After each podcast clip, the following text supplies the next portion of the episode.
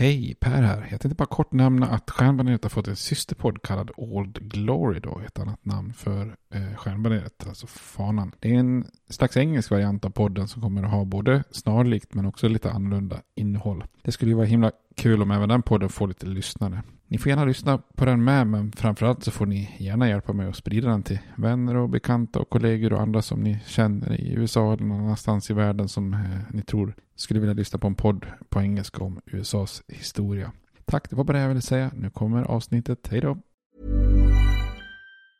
You should celebrate yourself every day, but some days you should celebrate with jewelry. Whether you want to commemorate an unforgettable moment or just bring some added sparkle to your collection, Blue Nile can offer you expert guidance and a wide assortment of jewelry of the highest quality at the best price. Go to BlueNile.com today and experience the ease and convenience of shopping Blue Nile, the original online jeweler since 1999. That's BlueNile.com. BlueNile.com. Hiring for your small business? If you're not looking for professionals on LinkedIn, you're looking in the wrong place. That's like looking for your car keys in a fish tank. LinkedIn helps you hire professionals you can't find anywhere else, even those who aren't actively searching for a new job but might be open to the perfect role. In a given month, over 70% of LinkedIn users don't even visit other leading job sites. So start looking in the right place. With LinkedIn, you can hire professionals like a professional. Post your free job on linkedin.com slash people today. Millions of people have lost weight with personalized plans from Noom. Like Evan, who can't stand salads and still lost 50 pounds. Salads generally for most people are the easy button, right? For me, that wasn't an option. I never really was a salad guy. That's just not who I am. But Noom worked for me. Get your personalized plan today at Noom.com.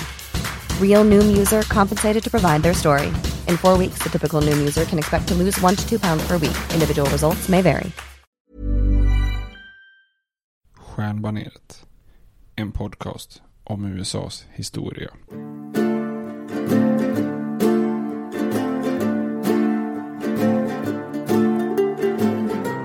We hold these truths to be self-evident, that all men are created equal, that they are endowed by their Creator with certain unalienable rights, that among these are life, liberty, and the pursuit of happiness. Now we are engaged in a great civil war, testing that government of the people, by the people, for the people, shall not perish from the earth. And so, my fellow Americans, ask not what your country can do for you, ask what you can do for your country. I have a dream. My four little children will one day live in a nation where they will not be judged by the color of their skin, but by the content of their character. Mr. Gorbachev, tear down this wall. I did not have sexual relations with that woman, Miss Lewinsky. Då hälsar vi välkommen till Stjärnbaneret. En podcast om Amerika, Amerikas historia. Eh, hur är läget Per? Det var fint. Hur är det själv? Ja, det är fint. Är du taggad? Mycket taggad. Ja. Och vi kan väl börja inledningsvis här också att eh, tacka ett stort tack till Anders Risenberg som har gjort vår logga, Stjärnbaneret. Ja. Nej, Fin, fin bild. Jättebra. Tydlig. Jag är lite så här bildblind så jag hade aldrig kunnat gjort något sånt. Eh, tekniskt Nej, jag fick, jag fick vara med och tycka till om färgskalan där, bland annat. Då. Ja. Och så kan vi bara nämna kort att om ni tycker att den här podcasten är lyssningsvärd så får ni gärna ge den betyg på, på iTunes så att fler hittar till den då. Och gärna sprid podden till, till vänner och bekanta som ni tror skulle kunna uppskatta lite amerikansk historia. Och ni kan ju också följa oss eh, på sociala medier, Facebook och eh, Twitter. Och det är bara att söka på Stjärnbaneret. Yes, eh, vi har ett litet annat upplägg idag. Det var jag som hälsade välkommen idag. Och avsnittet skiljer sig lite mot de tidigare som vi har spelat in. Vi frångår i det här avsnittet då den kronologiska översikten då. Ja, Men det kan du berätta lite mer om Per, hur vi hade tänkt kring dagens avsnitt. Ja, precis. Vi sticker emellan här. Vi kommer att vara tydliga när, eh, när avsnittet är nytt i den här översiktsserien. För då kallar vi det helt enkelt översikt del 1, 2 och så vidare. Men idag så tänkte vi sticka emellan med ett annat ämne då, eh, det här rätten att bära vapen som är väldigt centralt i USA då. Eh, så att knyta lite an till någonting som är aktuellt helt enkelt. Så som jag har sagt till dig här, jag tycker, jag, jag tänker att det ska bli ett riktigt eh, kanonavsnitt. Ja, jag tyckte inte det var något bra skämt faktiskt. Ja, men eh, vi får väl ändå sikta på det. Ja, ja, vi gör det. Ja. Men jag tror att så här, i början på podcasten så är det nog, då är det nog bra att vi liksom avlossar några bra avsnitt. Ja, hur många till har du av de här? Jag tror det kan bli ett riktigt pangavsnitt. Nej, nu ska jag sluta. Ja. Vi, vi pratade lite om vad vi... Vi ska väl försöka ha en, en ganska objektiv eh, och eh, vad ska man säga, neutral genomgång av helt enkelt vapenlagarna. Det är ju där, det är där någonstans vi, vi vill landa då. Men man kommer säkert då, när vi kommer in på det här med vad, vad eh, vapenlagarna har liksom bidragit till i form av massskjutningar så kommer man ju säkert då eh, komma in på lite personliga eh, åsikter om det här ämnet, det tror jag. Mm. Jag till exempel är ju rädd för vapen. Jag, jag har aldrig hållit i något gevär eller riktig pistol eller så. Luftgevär naturligtvis. Men jag, varken du eller jag har gjort någon längre militärtjänst. Men vi har gjort två dagar alltså. Två dagar. Ja, det har vi. Så ja, det, det kommer väl färga min bild av just det med vapen. Men jag, jag ser fram emot eh, avsnittet och få lära mig lite mer om just eh, vad som står i konstitutionen. Då. Jag tänker att det kommer bli en del om konstitution och alla dessa artiklar och tillägg. Nu blir det väl egentligen bara det ett tillägg vi tittar Ja. på kanske idag. Då. Men det, det ska bli intressant. Jag hoppas att jag kan hålla mig ganska objektiv och bara Ja. det är ju min inställning till vapen.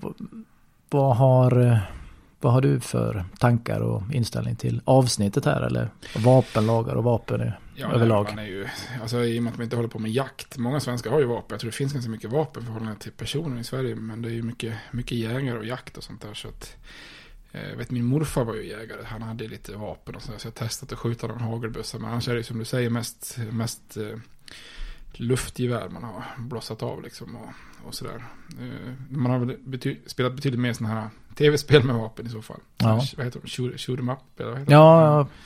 Har du för, first person shooter. Ja, har du några favoritband sådana spel? Ja, jag hade turen att ha en väldigt bra klass där jag fick ett spel i present då. En nionde klass när de skulle gå ut. Så jag fick då eh, Battlefield 1 heter den väl? va? Det Ja, utspelar okej. sig i första världskriget nu till min Playstation 4. Ja, ja. Det gillar jag. Då har du blossat lite attack. Ja, det har jag. Det har jag. Ja, men jag har som sagt aldrig hållit i, i hand. Du pratade där om eh, att det finns mycket vapen i Sverige ändå, mer än man tänker kanske. Men per hundra invånare, hur många vapen tror du det finns i Sverige? Oj, ingen aning. Eh, kan- Per hundra ja, ett, en kanske? Nej, det är mycket högre. Ja, det är 30, så. 31 Ja, faktiskt. ja. Mm. Och det är väl då till stor del jaktvapen Ja, då. Mm. Samma siffra för USA. 100 invånare, hur många vapen? Ja, det var 31 i... Men jag tror inte det är så högt. Det kanske till och med är lägre. Nej, det är högre. nej, okej. Nej, det är högst i världen är det ju. Ja, det är det. Mm. Ja, säg 50 då.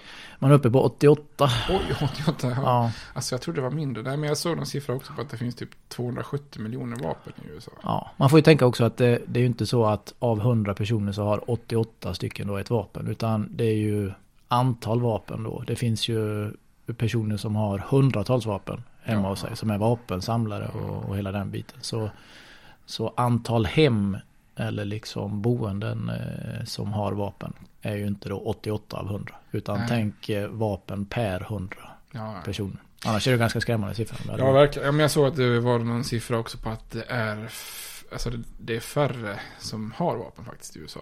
Fast det är just det att den som har vapen har desto Ja, fler. att kan det nog vara. Ja, Och jag vet att min morfar hade någon ko- jaktkollega där som var någon vapensamlare. Så det kanske blir så. När han får ett intresse så, så ökar det.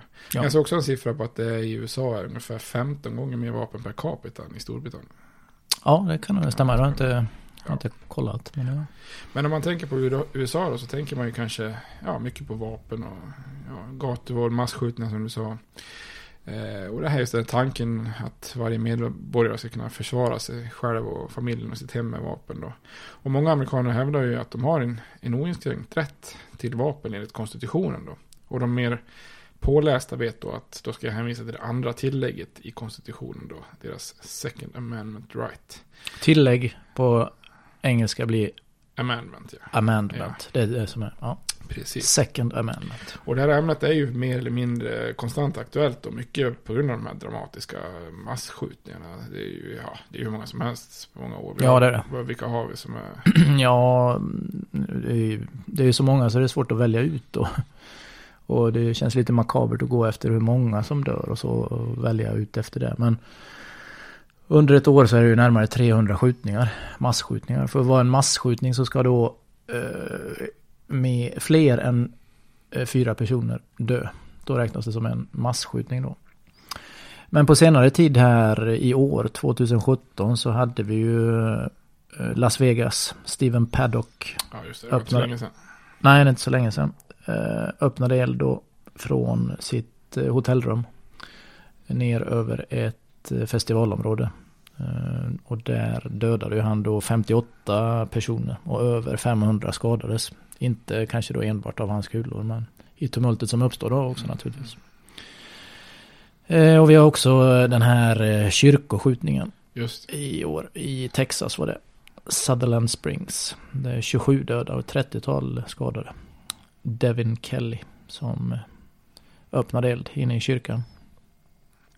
Tittar man tillbaks förra året så har vi skjutningen i Orlando, Florida. Eh, på en klubb, en, en gay, en Ja, gay eh, klubb då. Just Som heter The Pulse. Omar Matin, han eh, dödade 49 personer och skadade ett 50-tal då. Jösses. Eh, och sen kan det fortsätta. Listan är jättelång. Eh, men det finns ju några till då som är uppmärksammade. Den som personligt, eh, den känns mest personligt ska jag inte säga, men som drabbar mig hårdast är ju den här eh, Sandy Hook. Just det. Eh, 2012 i Connecticut. Där en person som heter Adam, Adam, Adam Lanza eh, tar med sig ett halvautomatiskt gevär med flera magasin in på en lågstadieskola, förskola Ja, det. och skjuter 20 barn då i åldrarna 6 till 7 år. Som min äldsta dotter Ja. Maja. Min med. Sex vuxna och han har, innan han går in på den här skolan har han också skjutit sin egen mamma då. Ja, just det. Jag gjorde det. Ja. Eh, före det, eller samma år ska jag säga då, i Aurora, Denver.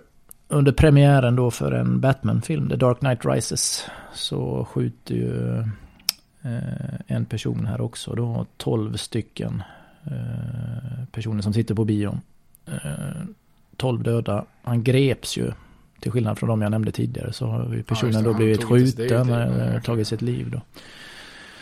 Och han dömdes då till över 3000 år i fängelse. Han fick en livstidsdom för varje person som dog. Så 12 livstidsdomar har han då på sig. Märkligt. Ja, Eller ja, det är inte märkligt att man får livstid, men 3000 år var ju lite... ja, ja. ja.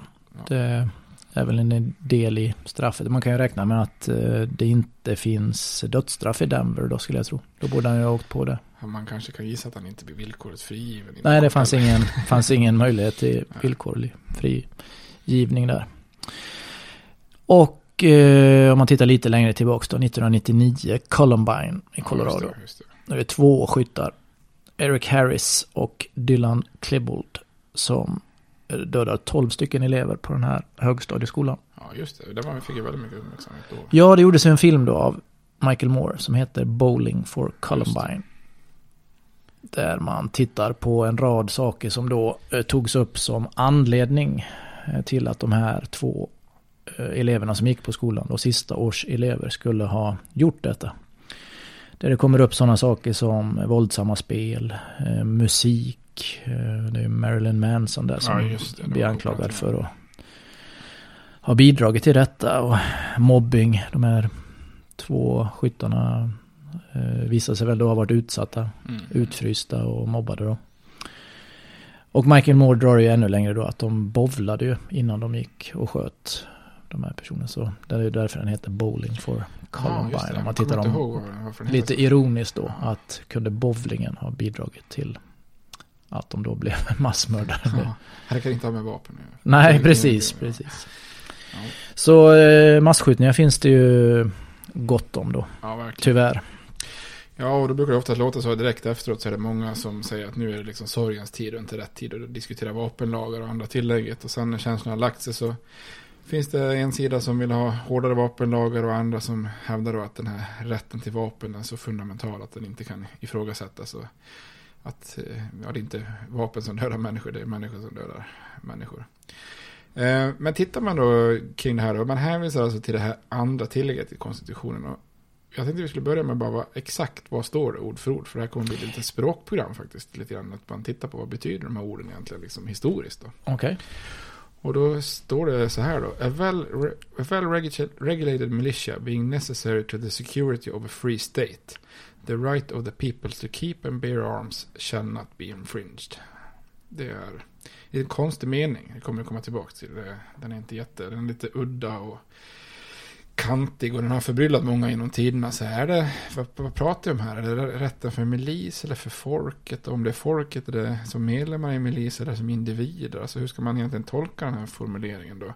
Och i ena läget har vi då vapenmotståndare som strikt tolkar det som att det är enbart en rätt för stater att ha milistrupper då i, alltså som i dagens nationella garden och sånt där. Alltså att det måste vara kopplat till den tjänstgöringen. Och den andra tolkningen skulle vara då att det här ger en rätt till vanliga medborgare som individer, då, alltså en privat rätt. Då. Ja, att man egentligen får använda vapen till vad som helst, alltså jaga, försvara sig, sport eller vad som helst. Så att säga.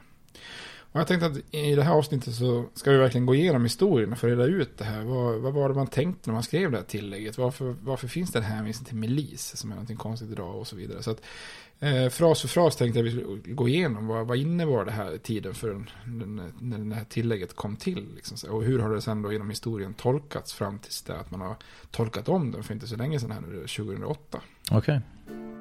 Okay.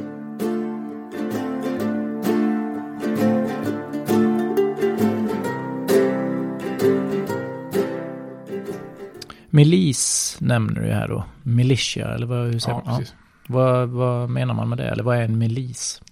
Ja, och det är en, en, en riktigt central del för att förstå det här tillägget. Och för redan i första raden så står det då en välorganiserad milis då, om man ska översätta det. Och för att förstå det här med milistrupper så måste man gå tillbaka till amerikanska revolutionen och frihetskriget. Då. För själva frihetskriget startade ju 1775 då med strider mellan brittiska reguljära trupper, då, alltså de här rödrockarna och eh, amerikanska milistrupper i Massachusetts kallade för minutmän som rycker ut för att försvara då, kolonin. Då. Och de börjar strida vid två platser som heter Lexington och Concord som ligger lite nordväst om Boston. Då. Och för många amerikaner var ju utbrottet av de här striderna 1775 liksom ett besannande av deras värsta mardröm. Eh, och det var ju, alltså de var ju engelsmän, det är ju en del av det engelska imperiet. Och nu hade konflikten gått så långt att den brittiska stående eller permanenta armén då, som är en symbol för kungen och Londons tyranni då, anfaller kolonierna och eh, koloniernas medborgartrupper då i form av milisen då. Eh, så vi, ibland glömmer man bort att frihetskriget är ju också ett inbördeskrig egentligen. Det är ju eng, engelsmän mm. mot engelsmän då. Men sen till skillnad från det amerikanska inbördeskriget så går ju inte södern segern ur striden bildar en ny nation. Men det gör ju de amerikanska kolonierna. De blir ju en ny nation då. Ja. Och det här med milis, i princip från första dagen som engelsmännen stiger i land i Nordamerika så existerar det milistrupper i kolonierna då. Det är en tradition man tar med sig från England då. Och um, i kolonierna är ju milistrupper det enda försvaret man har mot fiender då. Indianer, fransmän, spanjorer och interna uppror eller vad det kan handla om då. Och milistrupper det är ju egentligen militärstyrkor som utgörs av vanliga medarbetare. På den här tiden liksom bönder då. Som normalt Medborgare tänker du? Ja, precis. Som de vanliga som äger och brukar sina gårdar. Och som med jämna mellanrum så tränar de tillsammans. Och vid kris så greppar de sina vapen då, oftast musköter kanske. Pussar familjen hej då och rycker ut för att utgöra statens försvar då så att säga. Och vid tiden för revolutionen så tyckte kolonin att det här var, alltså de tror starkt på den här som en skyldighet och ett ansvar då. Eh, och militärtjänstgöring i milisen det är en allmän skyldighet, nästan som en slags värnplikt. Att är man man mellan 16 och 60 år så då förväntas man att man äger ett vapen och att man tar med sig sitt vapen. Eh, då, och att man då tränar tillsammans med de andra. Eh, och de här dagarna när milistrupperna tränar i byn eller countyt så, och drillas av sina befäl så är det liksom så här festdagar. Eh, kanske hela familjen följer med och man firar lite. Det är liksom en som en marknad eller en cirkus idag. Ja, cirkus idag, jag vet inte om det är så mycket fest. Känner du feststämning när cirkusen kommer till stan? Um, och varje milisman då eh, alltså för man medborgare förväntas ju då äga sitt eget vapen. Alltså helst en musköt som funkar i krig då, men man valde ju själv och många valde ju lättare vapen som funkar bättre för jakt till exempel då. Som man kunde använda privat så att säga också då. Men dessvärre var ju vapen dyrt, så det var inte alla som kunde leva upp till den här skyldigheten heller då. Så att antalet vapen i kolonierna var inte så supermånga eh, sett till, till helheten då. Och när de här milistrupperna mönstrar in för frihetskriget så är ju många utan vapen och, och dåligt, dåligt drillade och så vidare. De har nog mest festat på de här träningslägren. Mm. Jag tänker lite som när vi spelade fotboll i division 5. Det var, vi var inte så mycket mer tränade när vi åkte på träningsläger. Utan, nej, nej, det är väl inga träningsläger. Så um, han general Washington som, som för befälet han beklagar sig oftast över hur dåligt beväpnade de här milistrupperna är då så att säga. De kan till exempel ja, vägra ta order, marsch, vägra marschera in i nästa stat. För de tillhör ju en delstat, och vill man kanske inte gå över gränsen till nästa delstat. Eh, och man smiter gärna hem om det är skördetid och sånt där. Så är det stater redan här då? Eller tänker du koloni? Ja, precis. Då är det kolonier ja. jag tänker på. Då, så, eh, och, eh, och varje koloni har sin milis. Ja, precis. Men mot rödrockarna här kommer de samarbeta. Ja, precis. Då, då samarbetar man ju också i, i någonting som man kallar för den kontinentala armén. Som blir mer av en liksom, central ah, armé också. Okay. Då, men, men den stora delen av, av frihetskriget kämpas också av milistrupper. Då. Och motsatsen till de här milistrupperna det är då stående arméer. Alltså som de brittiska rödrockarna under revolutionen då. Och i Storbritannien och för den delen alla andra länder så är det oftast kungen då på den här tiden som för befälet över en stående armé. Eh, de soldaterna har ju då lön, eh, tjänstgör under en given tidsperiod, eh, oavsett om det är fred eller inte. Och stående arméer har ju mer tid för att drillas i disciplin och lydnad och sådana saker då. Mm. Så soldaterna är mer professionella, de har liksom inget annat jobb, utan de är soldater då.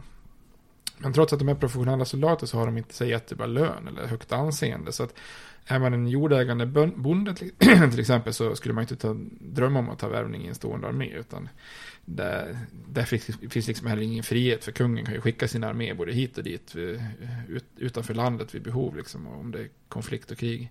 Och det här drillandet och disciplinen är ju stenhård liksom, i en sån stående armé. Eh, den som inte sköter sig får ju stenhårda straff då. Eh, kan ju skjutas om man miss, mm. miss, eh, ja, vad heter det? gör stora misstag. Liksom. Så stående arméer kan ju också bestå av legoknektar och sådana som inte alls har någon koppling till medborgarskap. Och den här brittiska och amerikanska traditionen att se de miliser som någonting positivt och stående armé som någonting negativt. Det beror ju då på att en stående armé oftast blir då ett verktyg för förtryck. Eh, alltså en stående armé var dyr och kräver mycket skatter. Och då blir liksom den allmänna devisen att ge en kung en armé och så kommer kungen att hitta ett krig mm. Eh, för att liksom finansiera. Och det ligger lite i det där. En armé kräver pengar. Pengar kan fås med hjälp av en armé. Och krig med andra länder kan vara en bra ursäkt för att både få behålla pengar och, och armé egentligen då, som kung. Och är det fred, ja då kan ju trupperna användas till annat för att förtrycka befolkningen. Det slår mm. ner interna uppror då, eh, i befolkningen då. Så det är en kontrast, för idag så är det ju ganska slående hur man hyllar de amerikanska soldaterna i dagens liksom amerikanska armé som ju är en stående Eh, permanent eh, armé. Då. Eh, så idag är det ju liksom en symbol för patriotisk anda, någonting som binder nationen tillsammans, samman så att säga. Det är med att gå på en NHL-match, alltså det är alltid hyllning av trupperna liksom. Mm. Och sånt där, man lägger in det i vardagen på ett helt annat sätt. Men 1775 då, då skulle man ju sett på en sån här armé som det moderna USA har som en, verkligen ett verktyg för potentiell tyranni. Då. Mm. Och redan John Locke, den politiska filosofin, skriver ju om folkets rätt att försvara sig mot och avskaffa ett förtryckande styre för att kunna leva i frihet. Och det kräver ju då att medborgarna har vapen och är organiserade i miliser. För annars kan man ju inte försvara sig mot en potentiell tyranni. Då. Så de här kolonisterna som är belägrade av britterna i Boston 1775. De ser ju knappast de här brittiska, den brittiska centralarmén som, som vi. Utan det är ju en förtryckande dom egentligen. Då. Mm. Eh, så det är ju ett inbördeskrig då. Så hotet om en sån här central nationellt stående armé som kan avväpna och förtrycka medborgarna, medborgarna det är ju inte bara ett teoretiskt hot i en bok av John Locke, utan för revolutionsgenerationen av amerikaner så är det här en, en verklig upplevelse, eh, en erfarenhet man har. Då. Så man kan sammanfatta det lite grann som att en medlem i en milis, det är ju först och främst en vanlig medborgare, en bonde, en hantverkare eller vem som helst, så att säga. Och i andra hand, eh, i andra hand är man en soldat då. Eh, och lite som en deltidsbrandman idag, eller som kanske hemvärnet, om man har vapnet hemma. Eh, en medlem av en stående armé eh, är ju först och främst en soldat, en professionell soldat och i andra hand en medarbetare. eller medborgare, medarbetare, medborgare. Eh, idag skiljer vi kanske på allmän värnplikt och en yrkesarmé, men samtidigt så går det liksom inte att jämföra, för milistrupperna ska ju ha sina egna vapen, eh, träna regelbundet, ungefär som en slags repmånad, eh, och så alltid vara lokalt kopplade till, till en delstat. På något vis. Mm. Men ser man inte så på armén idag då tror du? Att, det, att man som amerikan ser det som att det är en förlängning av det som var milis. Det som slog ut uh, rödrockarna och den som är i armén nu är uh, the boy next door. Det är liksom grannens, grannens pojkar och strider. Jo. Och att det finns en, en koppling till den vanliga människan. Precis, och alltså, det är ju ingen som idag ifrågasätter rätten att bära vapen i armén. Så att nej, säga. nej. Så, och, men då kommer det ju en differens då i tolkningen. Ska den här tillägget handla om det som idag är armén vara då? Eller ska det vara Ja. rätt? Så att, eh, så att, för idag tror jag det nog är naturligt. Men vi kommer att komma mer till det, liksom med den historiska bak...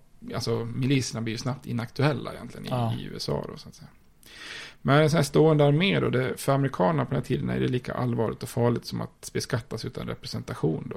Eh, alltså man ser det som eh, en möjlighet att göra statstryck och eh, alltså man tänker på Caesar eller Napoleon, men bara häromdagen var det någon militärkupp i Zimbabwe tror jag, när armén tog Mm. makten och, och så vidare. Så när, när USA slår sig fria från Eh, Storbritannien under frihetskriget och förklarade sig självständiga 1776 så skriver, skriver man ju konstitutioner både på delstats och nationell nivå. Då slår man ju fast att staternas och landets försvar ska utgöras av milistrupper då. Och i Virginias rättighetskatalog så slår man fast den här principen ganska tydligt då. Då skriver man så här. Eh, that a well regulated militia composed of the body of the people trained to arms is the proper, natural and safe defense of a free state. That standing armies in times of peace should be avoided as dangerous to liberty. Så där har man liksom hela den här Ja, förklaringen. det. Stående arméer, farligt, milistrupper är någonting bra. Då. Och för att verkligen förstå det här så, så tror jag också man ska höja blicken lite och sätta in just milistrupper i samband med liknande åtgärder för att just kunna liksom skapa och behålla den här friheten som man försöker garantera i, i USA då i, i samband med revolutionen då. För målet med frihetskriget och självständigheten och hela revolutionen det är ju att garantera ett fritt republikanskt styre. Eh, och det man vill undvika till varje pris det är ju en tyranniskt monarkiskt, monarkiskt styre då. Eh, som, som en maktgalen regent eller Mm. dens agenter då. Och då har man egentligen tre, tre viktiga liksom, filosofier som man, man använder, alltså politiska filosofier för att skapa det här då i USA, som fortfarande är aktuella än idag. Det är maktdelning, Mm. det är eh, folksuveränitet och det är federalism då. Och tittar man på det här med maktdelning då så om man, är, om man är en tyrann som är en enväldig monarki, monarki eller något sånt där så då kan man ju bestämma vilka regler som helst, man kan verkställa dem och man kan döma vem som helst hur som helst. Alltså all makt ligger i händerna på en funktion eller en Mm. person eller en roll då. Eh, det är ju själva definitionen av tyranni. Och den här maktdelningen då, det innebär ju att man tydligt separerar den lagstiftande makten ska vara separat från den verkställande makten. Mm. Och båda de två så ska sen då vara separerade från den dömande makten. Så den här maktdelningen är ju stark även idag då med kongress, eh, eh, president och högsta domstolen egentligen då som tre olika separata maktområden då så att säga. Sen lägger man till det här med folksuveräniteten, alltså man vill se till också att folket, medborgarna, eh, är suveräna då. Eh, På den här tiden såklart bara vita män som vanligt. Ja. Kvinnor Ja. och slavar och sånt kan man räkna bort då. Eh, Men då försöker man se till att det, folkliga, att det finns ett folkligt in, eh, inflytande över alla de här tre makterna. Och milistrupperna, det är ju folkets garanti för att inte den verkställande makten ska etablera en stående armé och använda den mot sitt folk. Alltså att folk, om folk utgör sitt eget försvar, då kan inte heller någon annan utnyttja det liksom, Nej. mot folket. Då. Och för att kontrollera den lagstiftande makten, då finns ju då verktyget val. Alltså regelbundna val, det gör ju att den som stiftar lagarna måste stå till svars inför folket med, med jämna mellanrum. Till exempel som representanthuset i år, eller i, idag då, var, varannat år väljs man om då. Ja. Och på den här tiden så var det ju väldigt mycket att man valdes på ett år, sen fick man stå till svars liksom. Och för att garantera folkets inflytande i den dömande makten så finns ju den här traditionen med jurysystemet då. Eh, Alltså att om du anklagas för ett brott så ska du absolut inte kunna dömas av någon korrupt domare eller speciell yrkeskår många mil bort. Eh, Utan de som ska bedöma om du är skyldig eller inte, det är alltså samma folk som du, som du tillhör. Det brukar Mm. uttryckas som your own peers, alltså dina egna Mm. eh, ja, medborgare eller grannar. Så att säga. Och jag tror att jury är väl någonting som de flesta kan referera till genom, eh, genom filmer. Ja, verkligen. det finns många filmer som handlar om jury och, Ja, det gör det. jury och utse. Ja. Har du någon bra i rockarmen som du vill? Nej, men jag, jag, kan, inte, jag kan säga så här att eh, mina elever då, högstadiet, tror ju att svenska domstolar är uppbyggda på samma sätt. Då. Man brukar läsa om lag och rätt i sjuan och väldigt många tror att man har en jury här i Sverige också då, bestående av olika personer som sen då ska döma. Ja, kan, Ja. ja. kan tänka mig det. Ja, Och den tredje sättet då för att garantera friheten då, det är federalism då, att man försöker Alltså att se till att makten är som starkast på, på en lokal nivå då. I, I delstaterna eller lokala snarare än det centrala, alltså federala, nationella makten då. Ehm, och alla de här tre verktygen som vi sa då har ju kopplingar till det här. För man ser en fördel att koppla till det lokala då. Alltså du strider med andra från din ort i milisen.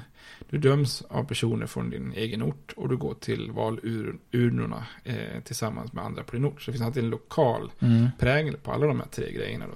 Så milis, det är ju alltså någonting man kopplar till lokala samhället eh, på samma sätt som en jury eller ett valdistrikt. Då. Och när det gäller milis, ja det är klart du är ju inte benägen att begå över, övergrepp på vänner på din ort på samma sätt som kanske en inhyrd legoknäckt eller Nej. en stående armé. Då. Så milis har alltså ett väldigt starkt koppling till, till den amerikanska federalismen med. Då. Så här har vi alltså tre verktyg för att garantera folkets inflytande och undvika eh, tyranni. Då. Milis, val och jury. Mm. Så jag tror och ska man förstå milis är det svårt att koppla loss det från de andra. Utan Ja. att det är liksom ett helhetskoncept. då, Så att säga. Skulle man dundra in som någon slags eh, konsult på den här tiden så skulle man kanske dyka upp och säga så här, ja men nu, jag vet att ni vill göra revolution här. Vi har ett perfekt eh, koncept här, lean revolution.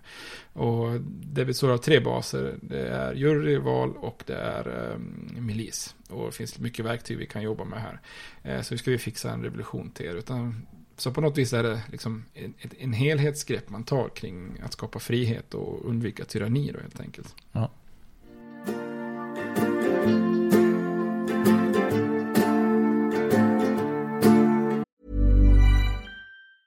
Jewelry isn't a gift you give just once. It's a way to remind your loved one of a beautiful moment every time they see it. Blue Nile can help you find the gift that says how you feel and says it beautifully with expert guidance and a wide assortment of jewelry of the highest quality at the best price. Go to BlueNile.com and experience the convenience of shopping Blue Nile, the original online jeweler since 1999. That's BlueNile.com to find the perfect jewelry gift for any occasion. BlueNile.com. I'm Sandra, and I'm just the professional your small business was looking for. But you didn't hire me because you didn't use LinkedIn jobs. LinkedIn has professionals you can't find anywhere else, including those who aren't actively looking for a new job but might be open to the perfect role, like me. In a given month, over 70% of LinkedIn users don't visit other leading job sites. So if you're not looking on LinkedIn, you'll miss out on great candidates like Sandra. Start hiring professionals like a professional. Post your free job on linkedin.com/people today.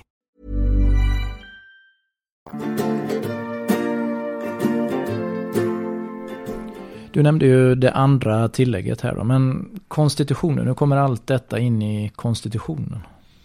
Ja, alltså 1775 så börjar ju frihetskriget och ett år senare så förklarar man sig självständig från Storbritannien.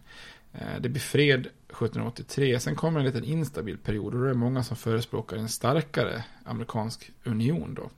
Och det gör att om man då tar initiativet att skriva en ny konstitution som man författar i Philadelphia 1787 då. Det är den konstitutionen som fortfarande gäller än idag då. Och vid den här tiden för det här legendariska konstitutionskonventet så har många lite svårt att bestämma sig för vad man faktiskt tycker om det här med milistrupper då efter frihetskriget. För eh, ett par erfarenheter talar emot då att trupperna som jag nämnde innan har varit lite ganska kassa och dåligt drillade och dålig disciplin och så vidare. Sen är det också ett väldigt känt uppror i Massachusetts som kallas för Chase eh, Rebellion. Och när guvernören skickar milistrupper för att slå ner upproret så ansluter sig milistrupperna till upproret. Så Mm. att han får liksom skrapa fram nya milistrupper, privat finansierade med han och hans rika vänner för att kunna slå ner det här upproret. Då. Eh, Så då börjar man folk fundera sig, ja men kan man verkligen förlita sig på, på milis då i tider av fred eller, eller i, mot interna eller externa fiender? Då? Men samtidigt så är det ju en viktig händelse som, som talar för milistrupper. Det är att i slutet av kriget så i den här centrala kontinentala armén som man har skapat då i USA för att kämpa mot Storbritannien så, så är det ett stort missnöje för man har inte fått förnödenheter och betalt som man ska från, från kongressen och så vidare. Och då är det ganska många inom armén som vill göra en militärkupp. Eh, så här hade det kunnat bli en klassisk militärkupp mm. i USA då. Men eh, George Washington då som är överbefälhavare som lätt, lätt hade kunnat bli diktator i det här läget. Och han gör en så här heroisk insats i, i, på en ort som heter Newburgh och avvärjer det här eh, eventuella militärkuppen då. Eh, och det är ju väldigt mycket vatten på kvarn till någon som menar att en central eller stående armé är ju liksom livsfarlig för, för landets frihet. Så, så kommer man till konstitutionskonventet och, så, och pratar försvar och militär, armé och milis, då slits man liksom mellan två olika önskemål. Det ena är att man vill ha ett effektivt nationellt försvar, men samtidigt vill man värna den här milistraditionen då för att undvika att en stående armé i, freds, i fredstid eh, kan bli förtryckande. Då. Och deras lösning då på det militära är ett slags dubbelt system. Alltså landet ska fortfarande i grund och botten bestå av milistrupper som är baserade i de här 13 eh, mm. delstaterna. Då. Eh, bestående av vanliga medarbetare som äger sina egna vapen. Men om kongressen ger sin tillåtelse så kan milistrupperna kallas in då för federal tjänstgöring med presidenten som befälhavare, alltså, mm. alltså på nationell nivå. Då. Um, så att man gör ju en slags militär maktdelningsprincip och federalism här, där, där ansvaret för det militära försvar delas mellan presidenten, kongressen och delstaterna kan man säga, för okay. att liksom få en säkerhet där. Då. Men en sak som är viktig med konstitutionskonventet är att man eh, man gör inte som vissa delstater har gjort i sina konstitutioner, att man gör en så kallad Bill of Rights, alltså en rättighetskatalog som ger mycket så individuella rättigheter. Eh, men även andra typer av viktiga rättigheter. Så att de flesta såg, som var på konventet såg det som onödigt, så att man hävdar att de här individuella rättigheterna ändå kontrolleras i staterna. Men det här blir liksom ett misstag som nästan omöjliggör konstitutionen, för att när konstitutionen kommer inte träda kraft förrän alla delstater har ratificerat konstitutionen. Nej. Och då krävs det att 9 av 13 stater godkänner för att USA liksom ska anta den här nya eh, konstitutionen då, som ersätter den gamla.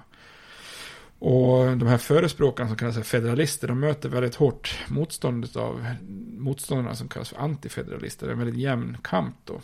Eh, och två av de här antifederalisternas främsta argument mot konstitutionen är att den inte innehåller en sån här Bill of Rights.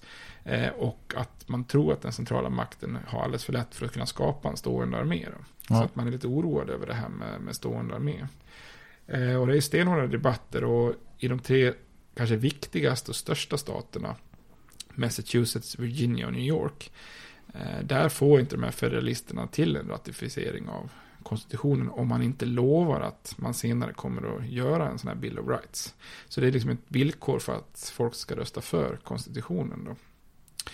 Eh, och följer man de här debatterna så finns det ingenting som tyder på att man på allvar diskuterar alltså rätten att bära vapen som en individuell rättighet. Eh, det finns inga sådana liksom, citat. Eller det gäller snarare då själva milisen. Ja, det är alltid kopplat till staternas milis på något ja. sätt. Då. Och det är liksom den här rädslan för att den federala staten eh, ska kunna ta vapen, inte från en enskild individ, utan att man som en ledare kan ta det från en, från alltså avväpna en hel delstatsmilis då egentligen. Mm. Då görs det kanske ett tillägg då till konstitutionen. Ja, precis efteråt då. Eh, och en av de som har motsatt sig till en början av en sån här Bill of Rights är James Madison som brukar kallas för konstitutionens eh, fader då. Och eh, han är väldigt central i framtagandet av konstitutionen då. Men han, för att kunna bli vald och sådär, så lovar han att då, då ska han se till att det kommer tillägg till konstitutionen då som de här antifederalisterna vill då.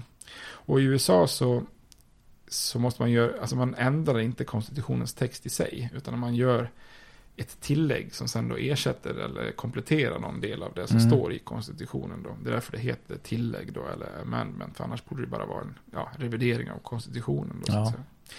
Och de här olika staterna som eh, vill ha tillägg då, de skickar in mängder med förslag då. Utav alla de här förslagen så, så föreslår Madison 20 stycken i kongressen då. Och då är det viktigt att veta att Madison, han vill egentligen bara blidka de här antifederalisterna. Så han föreslår de tillägg som han själv tycker påverkar konstitutionen så lite som möjligt egentligen. Okay. Men ett av de här för, eh, förslagna tilläggen då, eller föreslagna tilläggen, det är det som kommer att bli det andra tillägget då, som är kopplingen till vapenfrågan då.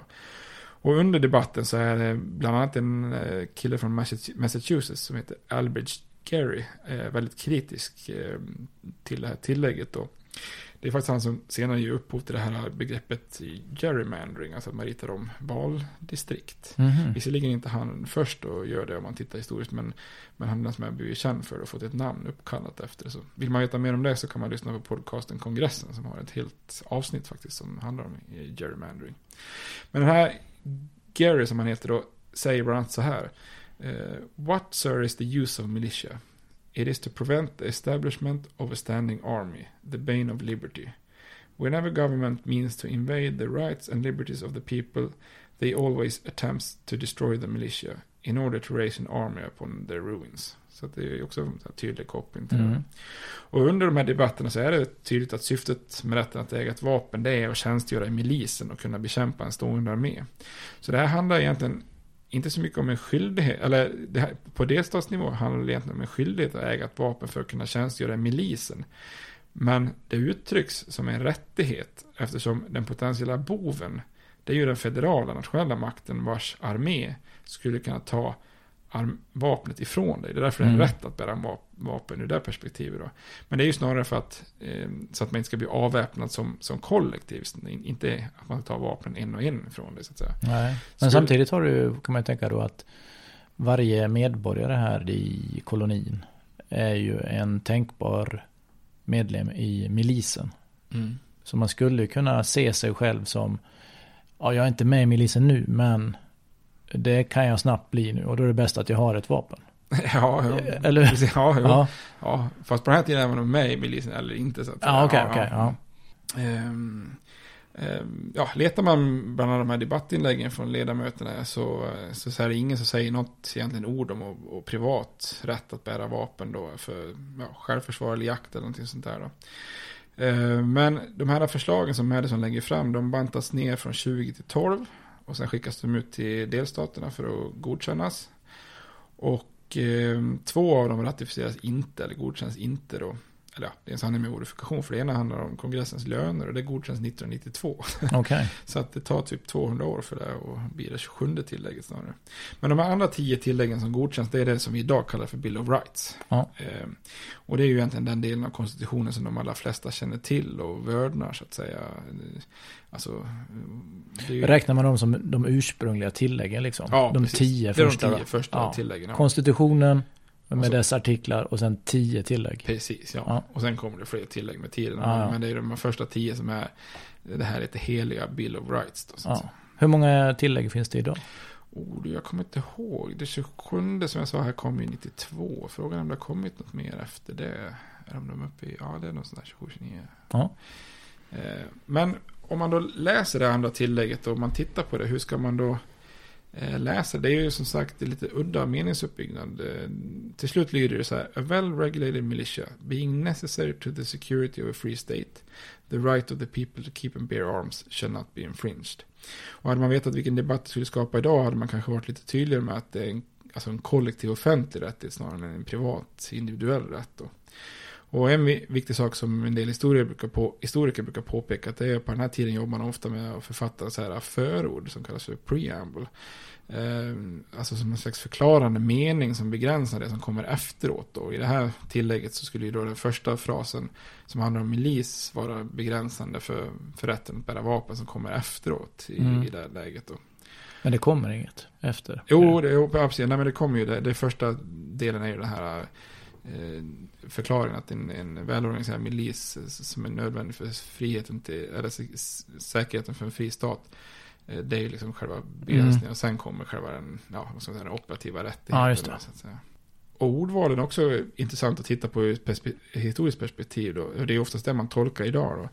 För om man sätter den här frasen the people i historiskt perspektiv så i de allra flesta fall avsågs ju med den frasen alltså folket i stort som en politisk grupp i samhället, alltså kollektivet, då är det the people man pratar om.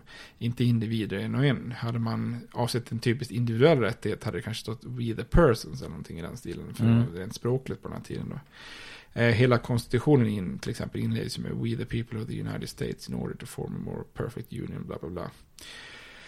Och i, i debatten om konstitutionen i till exempel i Virginia så används det uttrycket We the people ja, har någon räknat till 54 gånger utan att någonsin handla om något annat än folket som en slags kollektiv. Då.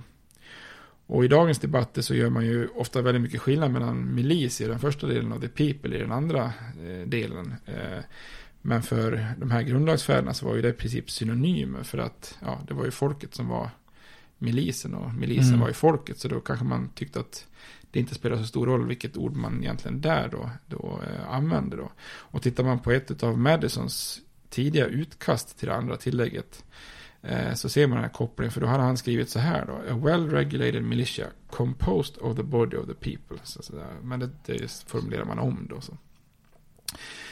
Eh, och man kan också uttrycka på ett annat sätt, alltså en grundtanke i den amerikanska republiken är ju att den som röstar ska tjänstgöra i milisen och den som tjänstgör i milisen ska få rösta. Och då skiljer man på så här politiska rättigheter som är då exklusivt för vissa medborgare och civila rättigheter som gäller för alla individer. Då. Så rätten att tjänstgöra i milisen och rösta det är en politisk rättighet, det får inte kvinnor eller unga. Ja, så. Men eh, civila rättigheter som till exempel yttrandefrihet och religionsfrihet, det gäller ju liksom då alla på något vis. Och en annan formulering som man också kan se på historiskt, det är den här formuleringen keep and bear arms. Eh, idag tolkar ju många det som att ja, det, man ska få, som individ få ha och gå runt med vapen. I Att olika- bära vapen. Ja, precis. Att Ja. Du, du bär fysiskt runt ett vapen då. Men rent historiskt så har frasen bear arms alltid varit förknippat med militärtjänstgöring. Alltså du, du bär vapen, du bear arms, det är att du är inkallad och tjänstgör. Alltså går du runt med en, ja, en bössa på axeln för att jaga eller någonting sånt där i skogen så då har du liksom släppt runt på ett vapen. Mm. Eh, Visst, men du har ju inte burit vapen utifrån hur man historiskt beskrev det här, den här frasen på den tiden. Då. Eh, och, det är liksom, kanske också tydligare om man tittar på ett första version av eh, det här andra tillägget som man sen stryker. Där man, där man försöker förtydliga att är det emot ens religiösa övertygelse så ska du inte behöva bear arms. Alltså du ska inte kunna rycka in om du är kväkare till exempel som är pacifister och sånt. Men man stryker den här delen och det är också den här rädslan för stående armé. För tycker man att det står att man kan göra undantag då skulle ju kanske kongressen eller presidenten kunna säga att vi undantar den här och den här och den här Ja. religiösa gruppen så till slut finns inte milisen så då tar man bort den delen också så att säga. Men tittar man rent historiskt på hur begreppet används så, så alltid när det står eh, keep and bear arms så är det ju kopplat till att du ska tjänstgöra i, i det militära så att säga. Man ska också komma ihåg att eh, den stora skräcken är ju den här stående armén då. Eh, enligt konstitutionen så kan ju den federala kongressen besluta om krig och skapa och finansiera arméer. Eh, kalla in milistrupper för att slå ner interna uppror eller externa fiender. Och det andra tillägget är då en garanti för delstaten att kongressen inte har rätten att ta vapen från deras milistrupper då. Och det, är- det är där man, så man ska tolka det här, att känna att bli infringe på, på slutet då så att säga. Ehm, så det här andra tillägget, det ligger ju dessutom om man tittar precis innan det tredje som, som handlar om militära saker som inkvartering av trupper i vanliga hem och eh, och man ser liksom samma mönster i delstaternas konstitution att rätten för milistrupper att bära vapen det finns liksom oftast bland paragrafer som handlar om inkvartering av trupper, krigsrätt, undantagstillstånd och mycket sådana då grejer då. Ehm, och det är samma sak i den engelska Bill of Rights som finns 1689 då, som är en föregångare på något vis då. Så det andra tillägget så pra- pratar man om milis och man måste på något vis rent historiskt förstå det från en specifik tid och en specifik plats. Och det, är, det är den amerikanska revolutionen i slutet av 1700-talet. Eh, det andra tillägget kom då till där i- och det är ju en tid när vanliga medarbetare förväntas ta till vapen för att försvara sin bygd. Eh, och en tid när det var livsviktigt att dra en, en linje liksom mellan milistrupper och stående arméer för att skydda sig mot stående arméer. Så bakgrunden till andra tillägget finner man ju framförallt historiskt bland de här milismännen som rycker ut i frihetskriget då för att försvara Boston och, och Mm. kolonierna då. Eh, snarare där än att man tittar på Daniel Boone som jagar björn eller nybyggaren i vilda västern som försvarar sitt hem. Liksom. Där, där hittar man inte den historiska kopplingen då. Så de som idag förespråkar liksom en individu- individuell rätt till vapen utifrån andra tillägget har ju en ganska tuff och svår uppgift att säga och försöka förklara bort den här uppenbara kopplingen till det här militära som säger Du att- tycker de har fel då med andra ord?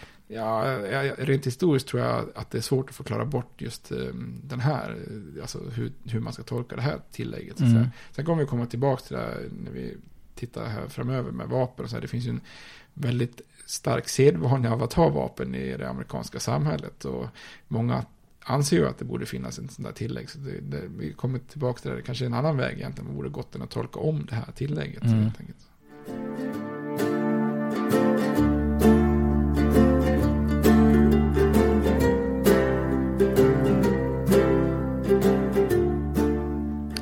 Vad händer med den här milistanken sen då? Ja, alltså då sätter du ju fingret på något, något väldigt viktigt i den här debatten. Och för historiskt så var ju milissystemet i princip gammalt redan nästa gång USA eh, är i krig, 1812 egentligen då.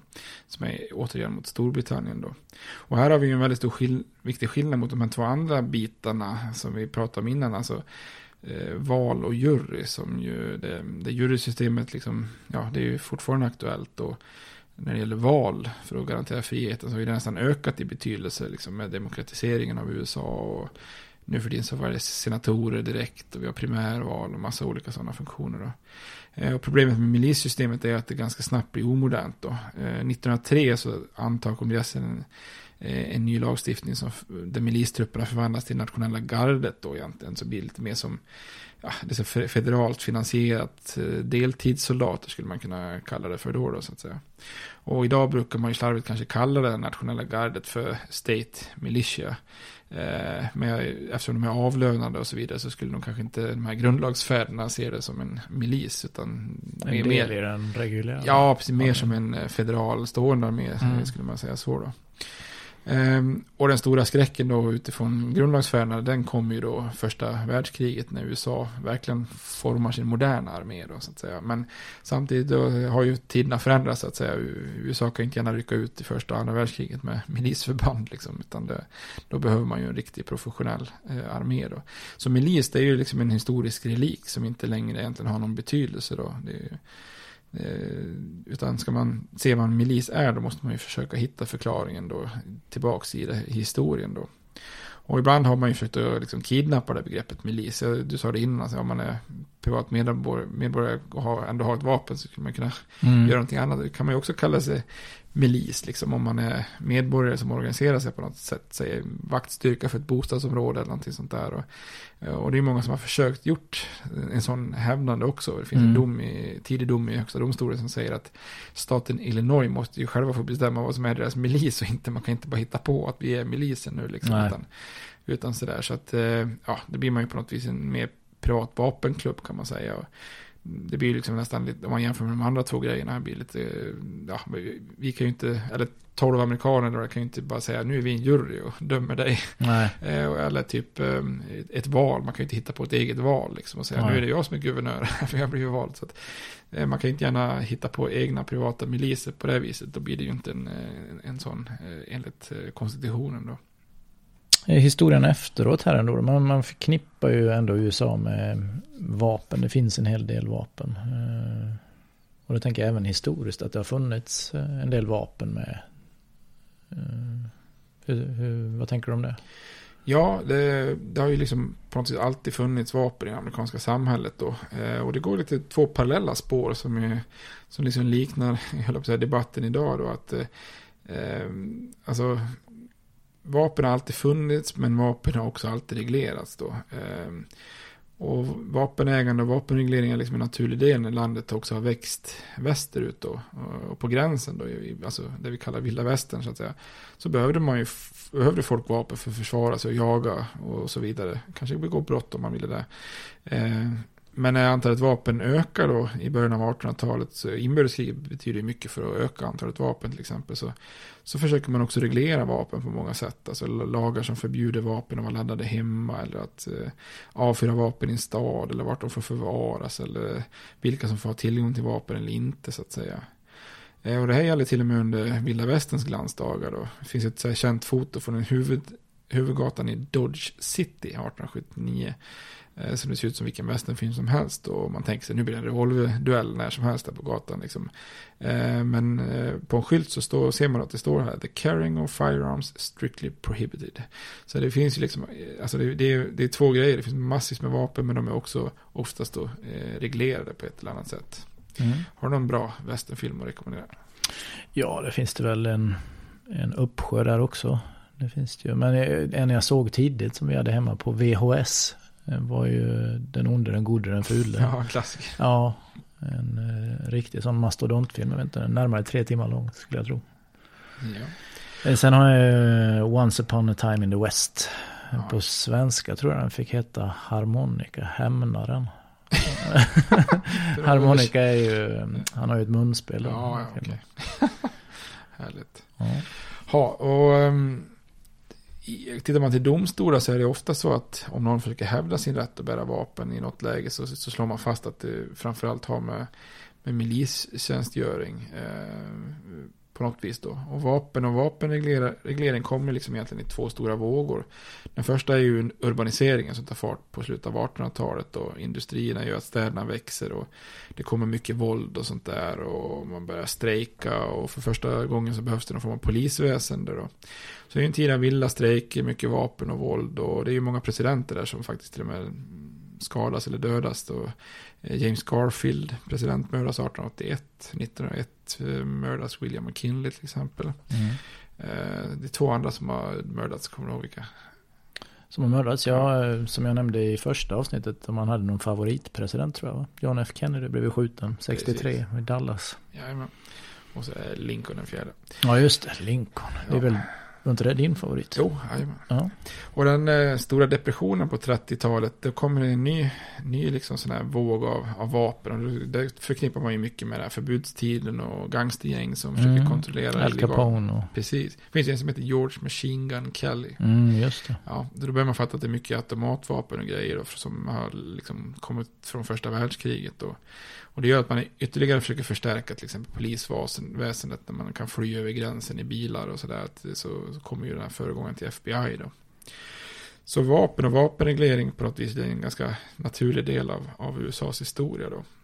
Men tittar man på hur man har dömt och sådär så det är fyra tillfällen har högsta domstolen fått upp den här frågan om vapen i, i eh, innan den tog upp den 2008 då. I, egentligen i alla de här fallen så slår man fast på något sätt att det, Eh, den här eh, rätten att bära vapen mer har med milistjänstgöring på ett eller annat sätt. Så man kan säga att eh, läget är ganska oförändrat fram till och med 2008 då på något vis. Men sen kommer då en förändring i, sättet att se på, på vapenrätten då 2008 i en ny dom i högsta domstolen.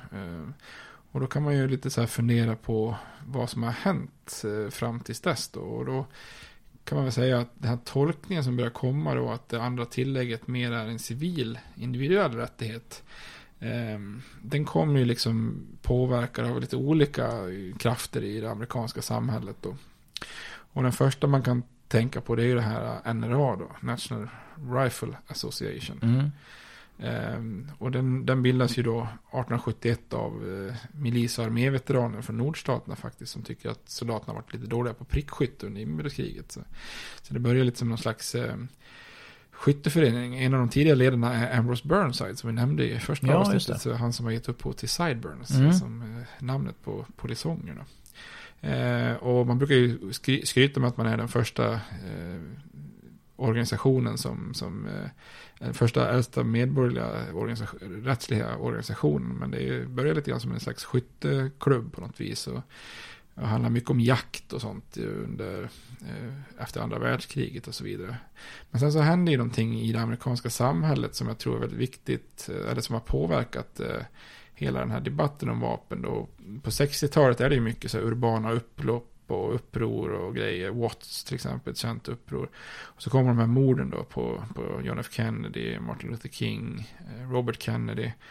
Eh, och särskilt i södern, det är, ju- det är ingen slump att södern är den regionen som har mest vapen så att säga. Och den, där, där bör man opponera sig mot vapenlagar. Eh, och då börjar NRA också visa lite muskler och börjar jobba med lobbying och försöka påverka val och sånt där. Eh, I det läget så pratar man fortfarande inte så mycket om det andra tillägget. Men man börjar se att det finns mer och mer liksom som förespråkar att man, man måste få ha en individuell rätt till vapen då så att säga.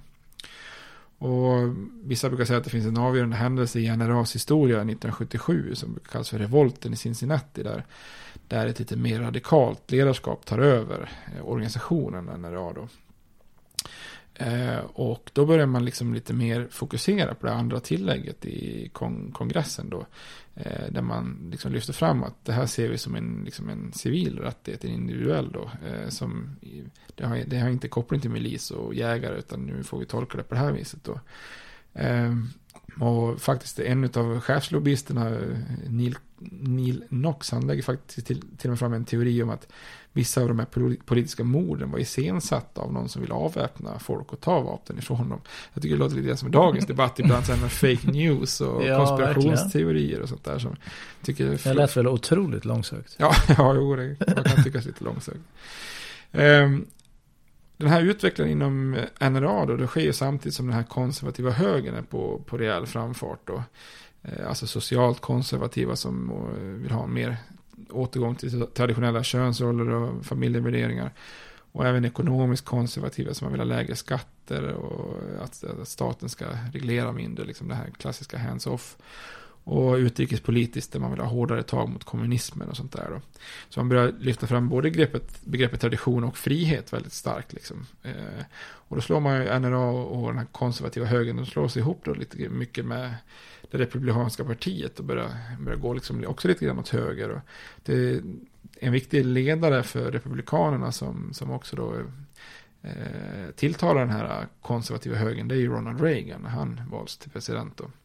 Och han säger till exempel då vid ett tillfälle så här, the second amendment is clear or ought to be clear. Uh, it appears to leave little if any leeway for the gun control advocate. Eh, alltså det är tydligt, eller i alla fall borde vara tydligt att, att det är en rätt att, att eh, äga vapen. Då.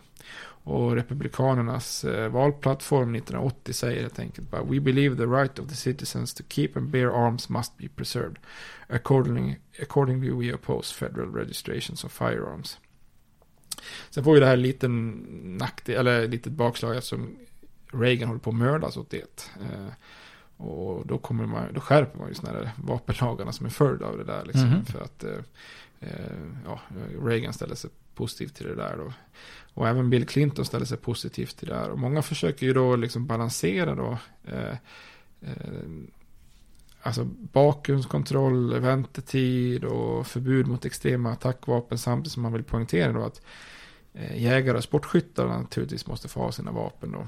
Men då är det ju allt fler amerikaner som börjar se lite mer fundamentalistiskt på det andra tillägget att, att det betyder att man inte ska röra vapnen överhuvudtaget så att säga. Ehm, och arga medborgare börjar också göra just det här som vi pratade om, forma, forma sig lite så här frivilliga milis. Mm grejer då. Bland annat när man griper den här Timothy McWay 1995, han som bombar en federal byggnad i Oklahoma City så, och dödar 168 personer så visar det sig att han är ju medlem då i någon slags statsfientlig rörelse som kallas Modern Militia på något vis då. Mm. Så det går så långt så att George Bush den äldre, han lämnar faktiskt till och med NRA i protesten då mot den här retoriken då. Men då försöker ju NRA återfå sin popularitet, bland annat genom att rekrytera den här forna skådespelaren Charlton Heston som ordförande. Mm. Eh, det är ju han som har spelat i, i Ben Hur. Ja, den har inte jag sett, men du hade någon referens till den eh, filmen va? Ja, alltså det, det är ju lite roligt här. Den är ju skriven av en eh, person som heter Lou Wallace. Han mm. är ju då är general för nordstatssidorna i, i inbördeskriget. Okay han irrar runt lite i, slag, i, större, i samband med ett stort slag här vid Shiloh 1862 så han var inte så populär där och hans karriär som militär går ut för men han kanske borde ha hållit sig till noveller helt ja. enkelt.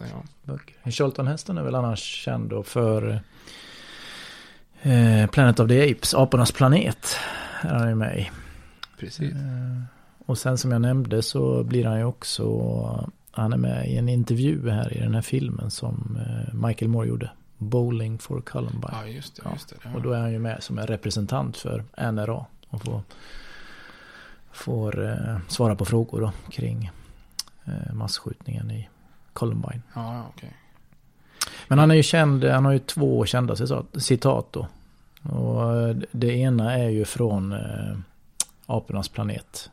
Take your stinking paws off me you damn dirty ape. Den gör han ju bra. Den ja. Eh, replikerna ligger fast i ett nät har jag för mig där. Han blir tillfångatagen då. Jag tror inte jag sett den öppnas från Har du inte det? Nej. Nej. Och sen är det ju, det har han ju sagt vid flera tillfällen. Jag tror inte ens det är han som har eh, liksom kommit på det uttrycket. Men när det gäller då vapen. Att du kan ta mitt vapen. Och så säger han From my cold dead hands. Ja, just det. Just det. Ja. det är ett uh, citat från uh, deras årsmöte 2000 när han han vände sig till Al Gore va? Ja. Al Gore. Han liksom väser fram det på något Ja. vis. Så har han en sån gammal eh, musköt Ja, han får upp en sån på scenen där tror jag. Ja, just det. Man kan söka på klippet på nätet. Det är ganska fascinerande. Kanske man kan börja köra sig allmänt. Så kan det räcka med pennan där? Men From inte kan det väl- dead hand. Ja, ja, det kan man börja använda. Men inte kan det väl vara han som, ja, NRA då, har kommit på att det här ska du säga. Det känns ju som ett historiskt, Ja, något historiskt begrepp som de anspelar på tillbaks. Det skulle man ju säkert kunna hitta. Men jag jag är tveksam att Charlton Heston har kommit på det. Eller liksom Ja. myntat uttrycket. Det tror jag inte. Men jag tror det är han som är mest känd för det. Ja, det tror jag också. Jajamän. Ja, besöker man eh, NRAs huvudkontor så finns det i lobbyn en skylt då. Och då är det lite spännande för då, då citerar man det andra tillägget men man stryker den första frasen med well regulated militia och det där. Utan det står bara helt enkelt citatet då The right of the people to keep and bear arms shall not be infringed på en stor skylt i entrén. Det blir lite skillnad om man Ja, stryker precis. En del. Va? Jo, precis. Det, ja. och, eh, så, här, så det kan vara speciellt. Det var en museum och sånt där. Jag vet att USA-podden eh, med gänget där var ju och besökte där, jag tror det ligger i Virginia. Så det var intressant att höra om så här, va- vapenmuseum och bla bla bla. Så att säga. Det känns ju som en ganska stark lobbygrupp, NRA. Ja. Alltså det måste ju finnas väldigt mycket pengar från eh, vapentillverkare. Ja, men jag tror det gör det. Och de har ju engagerat väldigt mycket människor då. Och eh, de har engagerat väldigt mycket advokater. Därför att det blir ju en stor skillnad här. Tittar man på historiker så är man ju väldigt liksom, överens om, eller de flesta i alla fall, att det andra tillägget är väldigt kopplat till milistrupper och kanske inte borde tolkas som en individuell rätt om man tittar på vad, vad, hur språket användes på den tiden. Men eh, många, det har varit mycket advokater som på de sista liksom, så här, kanske 30-40 åren har också gjort en del tolkningar av det här och försökt att dra fram domar för att argumentera för rätten att bära vapen. Och många av de här kanske har också finansierats av NRA, alltså de har mycket ekonomiska muskler på något vis. Och, och man gör liksom oftast, eh, jag, menar, jag tror det blir lite skillnad om en historiker eller en advokat tittar på det här. För en advokat bygger liksom sitt fall eller argumenterar ju för någonting. Och Mm. då försöker man ju hitta det ena och det andra som talar för eh, det hela. Liksom. Sen är det ju upp till motparten att argumentera emot det. Och, ja, får man igenom sin argumentation så har man så att säga. Eh, och det gör att man liksom på något vis Eh, försöker hitta då historiska citat som man återanvänder lite så här om och om igen då för att försöka liksom styrka på att jo men det var nog så här grundlagsfäderna menade med, med det andra tillägget. Eh, och det finns några så här kända, det, en, det finns en jättekänd revolutionär i Virginia som heter Patrick Henry. Eh, och det finns ett citat från honom som lyder så här, The great object is that every man be armed. Eh, och tittar man på den meningen så kommer det från en debatt i Virginia om just den nya konstitutionen. Där han tycker det är väldigt oklart om det är det federala eller om det är delstaten som ska finansiera Mm. eh, vapnen. Så att han vill inte, klassiskt amerikansk princip, han vill inte att staten ska ha dubbla kostnader. Och då menar han liksom att ja, men själva målet är ju att varje mm, person ska vara beväpnad. Alltså i milisen, men vi ska inte dubbelbetala för det. Så att. Nej. Liksom rycker man ut det ur sitt eh, sammanhang. Det är likadant med Thomas Jefferson som oftast brukar citeras. eh, Och han skrev ett brev till George Washington och de två är bland de mest kända revolutionärerna, liksom Jefferson och Washington. Och då skriver han till, hon, till Washington så här, One loves to possess arms, skriver han då. Det är ett fantastiskt bra citat att trycka Mm. upp på t-shirtar och sånt där. Eh, Det är bara det att i det här fallet så skriver han i brev att han vill att Washington skickar honom kopior på olika brev. Mm. För att det kan vara bra som ammunition i en debatt att visa att jag har skrivit det här tidigare. Så det är ju Mm. pennan som är vapnet, inte liksom, inte liksom vapen, vapen då så att säga. Men det, det är så här många av förespråkarna gör. Man, man tycker upp t-shirtar och muggar och med slogans. Men det är ju ofta, rent historiskt är det väldigt ofta eh, ryckt ur sitt sammanhang på något Mm. vis då så att säga. Men det är slagkraftigt. Bara det är ta... det verkligen. Oh ja, oh ja. Det, är, ju- menar, det låter jättebra om Jefferson har sagt att one loves to possess, eh, to possess arms till exempel. Ja. Då, så att säga. Eh,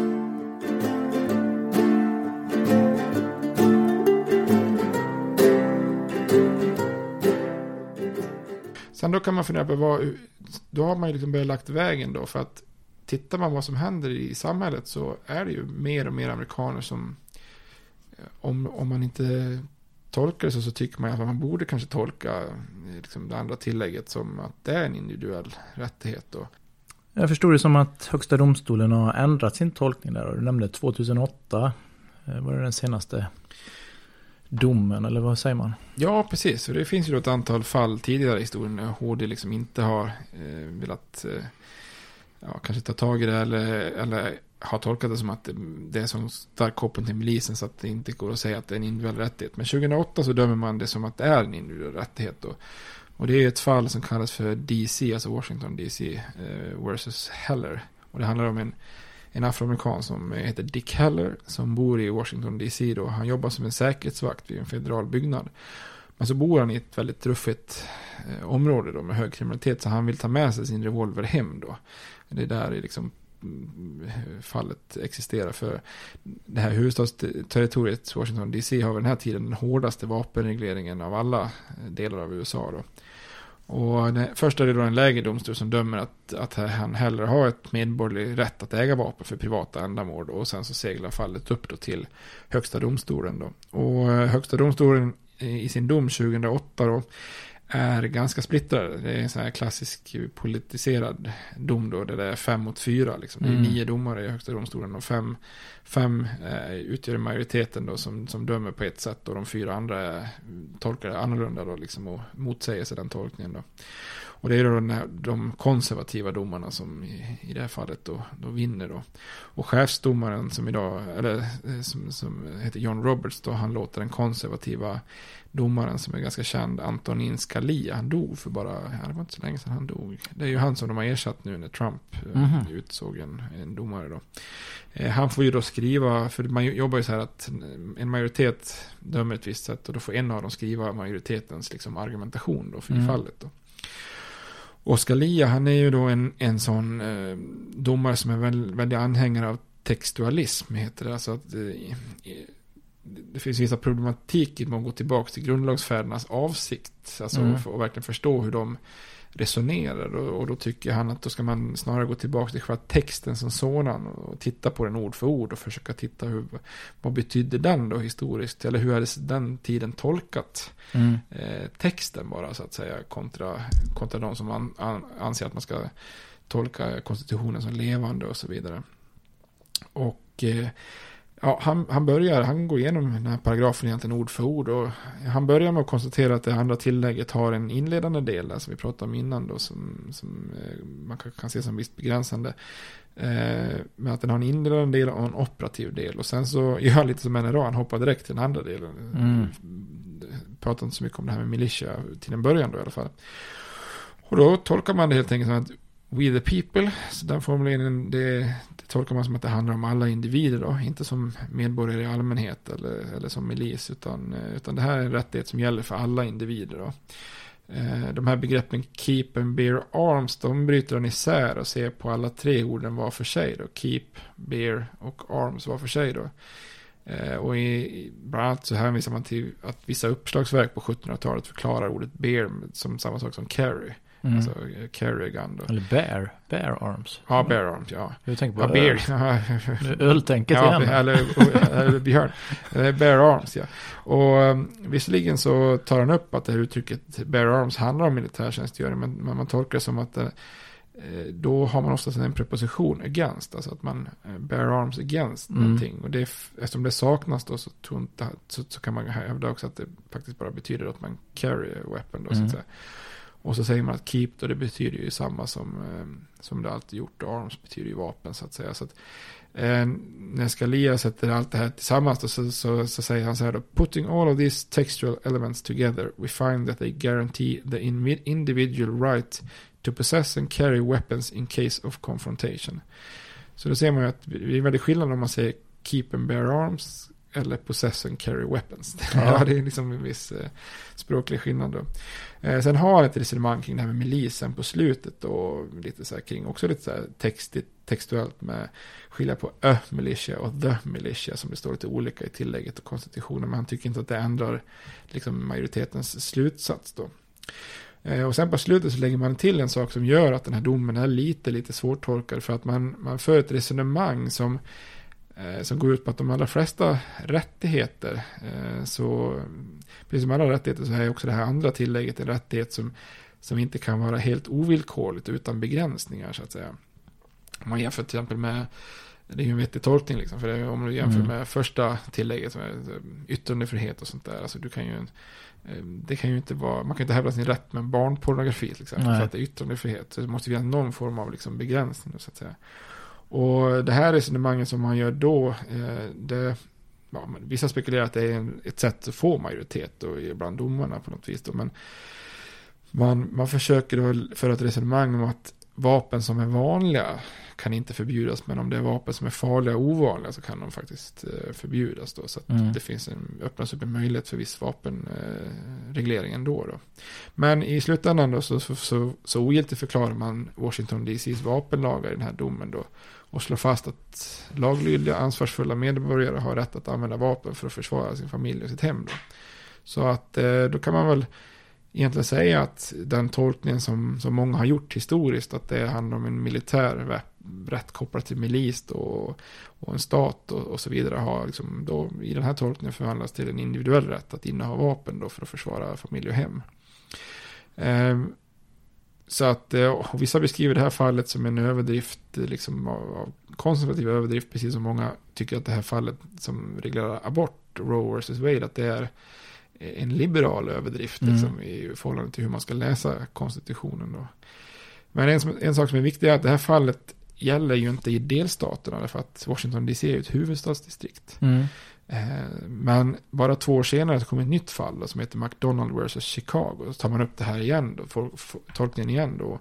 Och tolkar det på samma sätt. Och det innebär då att den här liksom, tolkningen som högsta domstolen gör även gäller för alla eh, delstater då, eh, helt enkelt.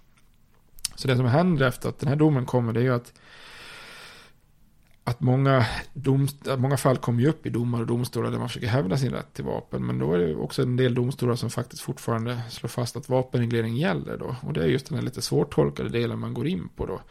Eh, och, Man hänvisar till den här domen då? Ja, precis. Okej. Då får man hänvisa till den, för nu är ju den liksom vägledande Mm. på något vis. Då.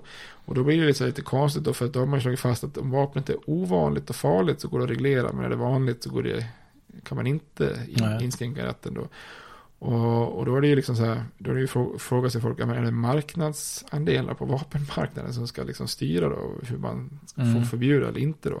Och så man börjar diskutera olika vapen då, liksom så här. Det finns till exempel ett ett gevär som heter A15 som är någon slags modern variant av ett automatvapen som, som eh, ja, verkligen liksom är ett attackvapen. Och man har ju nyligen som nu i Las Vegas börjar man diskutera sådana här någon sån här manik som gör ett semiautomatiskt vapen till helautomatiskt. Liksom, Mm. Typ 20 kulor i sekunden kontra 3 kulor i sekunden. Jag har lite svårt att se varför man skulle peppra 20 kulor i Mm. sekunden för att försvara det. Men det, ja, så generellt kan man säga att den här den här nya domen har ju lagt grunden till en ny tolkning i HD som, eh, där det blir allt svårare att motivera restriktioner och, och vapenreglering helt enkelt. Då. Och då har ju många börjat jobba med att bekämpa brottslighet och vapen kanske på andra fronter, alltså bättre polis, eh, eh, längre straff, eh, Mm. det kan ju vara lite ironiskt men eh, de har ju största fängelsekunderna som finns.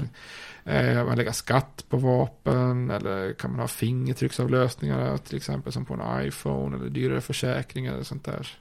Eh, så att eh, då börjar man titta på, på, på alternativ då helt enkelt då.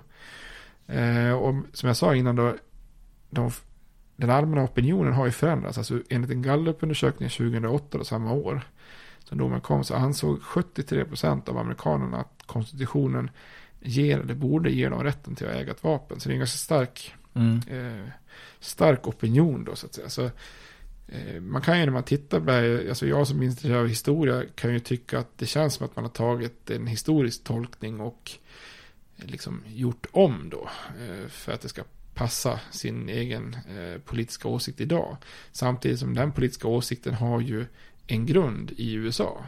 Så det som vi sa innan, alltså man kan ju fundera på eh, vad som hade varit den bästa långsiktiga lösningen här. Eh, om det finns en allmän opinion för vapenrätten så borde man kanske kunna gjort en, hade varit, kan jag tycka, kanske snyggare att man gjorde ett nytt tillägg som ersätter det andra. Ibland brukar man säga att vi kan inte göra någonting åt den här vapenfrågan, men man kan ju göra tillägg till konstitutionen. Ja. Eh, och då tror jag att de som hade förespråkat eh, alltså rätten till att bära vapen hade eh, Alltså man hade ju minskat debatten istället för att göra kanske ett mer kontroversiell tolkning av en befintlig grej. Och man hade ju lyckats få till en Mm. till tillägg. Men det är ju en längre, längre process. eh, Så att det, det kan ju också vara så att man vill komma snabbare framåt. Så att säga. Ja. Ja, vad, vad, vad, vad känner du här nu? Har du blivit något klokare på det här med vapen, rätten att bära vapen? Ja, men det får jag väl säga på, på ett sätt. Man, jag förstår ju mer om historien bakom och vad tanken skulle kunna vara då. Med det andra tillägget. Eh, och jag kan ju också se ja, egentligen båda sidors argument på, på ett sätt. Mm. Det kan jag ju. Uh, sen är jag nog ändå, får jag säga, för regleringar mm. av uh, vapnen. Det tror jag. Men jag, jag, jag, märker ju här i din genomgång också att det, det, det kommer ju bli väldigt svårt att göra större regleringar då. Ja, men, men, jag tänker att man, man eh, kanske steg för steg till att börja med då leva upp till de regleringar som redan finns. Mm. Alltså att man verkligen kollar att, att, eh, som jag förstår det måste man ju vara vuxen, 18 år eller något för att mm, få äga ett vapen. Ja. Jag kan ju inte tänka mig att barn får äga vapen. Men att man börjar kolla upp sådana regler som 18-årsgräns, tidigare ostraffad. Det måste ju finnas personer som är straffade men som ändå har vapen. Frånta de vapnen då. Att man börjar i alla fall eh, minska antalet vapen mm. i, i samhället, det tror jag. Och, och, det tror jag inte man behöver inskaffa eller in, eh, skriva in nya lagar för eller tillägg.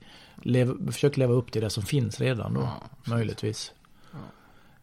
ja, det som är svårt tror jag blir ju att det blir så...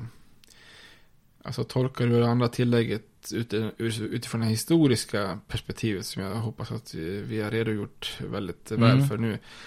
Så blir det väldigt absolut att det inte alls finns en rätt bära vapen. Och, ja. och to, tolkar du det som den här nya domen då, eller ja, från 2008, så då blir det väldigt absolut åt andra hållet. Ja. Jag tror att många, det blir ju svårt för mittfältet i det hela liksom. Ja. Så det, det är väl det som kanske ibland är, är, är det svåra så att säga, amerikansk politik. Man säger att det är väldigt polariserat idag. Liksom. Ja. Vi brukar göra filmreferenser. Har du någon? Ja, vi har nämnt några, men det man ska lägga till några. Någon film som du tänker med, med vapen som är... Nej, inte så här på rak arm. Jag tycker det blir lite makabert också. Man, vi har ju pratat om de här olika ja. dödsskjutningarna och så.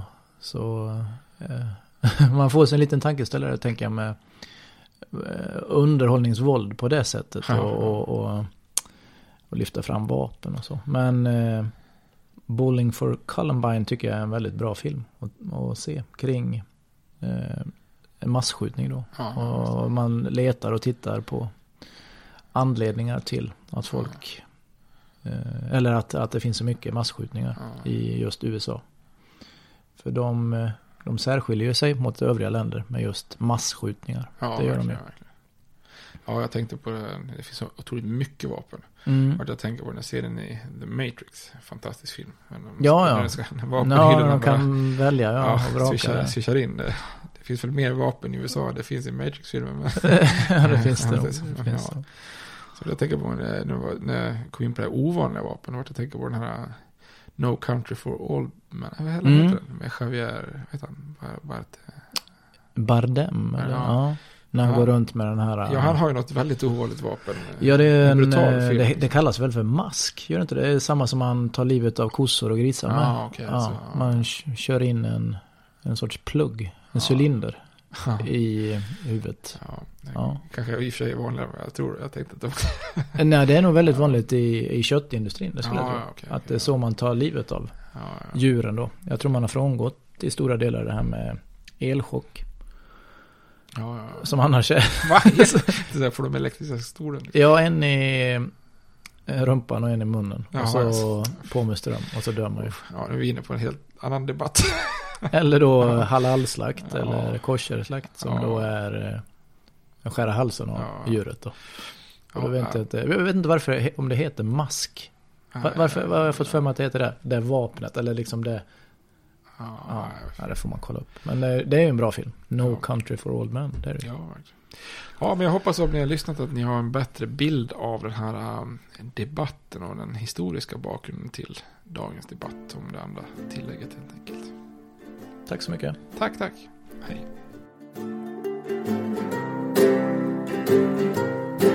States like these and their terrorist allies constitute an axis of evil.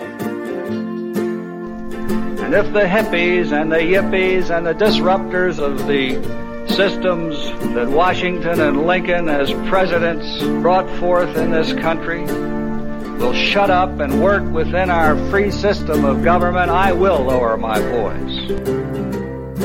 If the impeachment provision in the Constitution of the United States will not reach the offenses charged here, then perhaps that 18th century Constitution should be abandoned to a 20th century paper shredder. Therefore, I shall resign the presidency effective at noon tomorrow.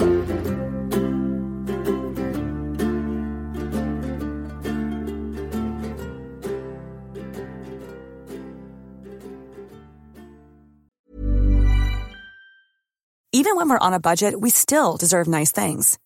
Quince is a place to scoop up stunning high-end goods for 50 to 80% less than similar brands.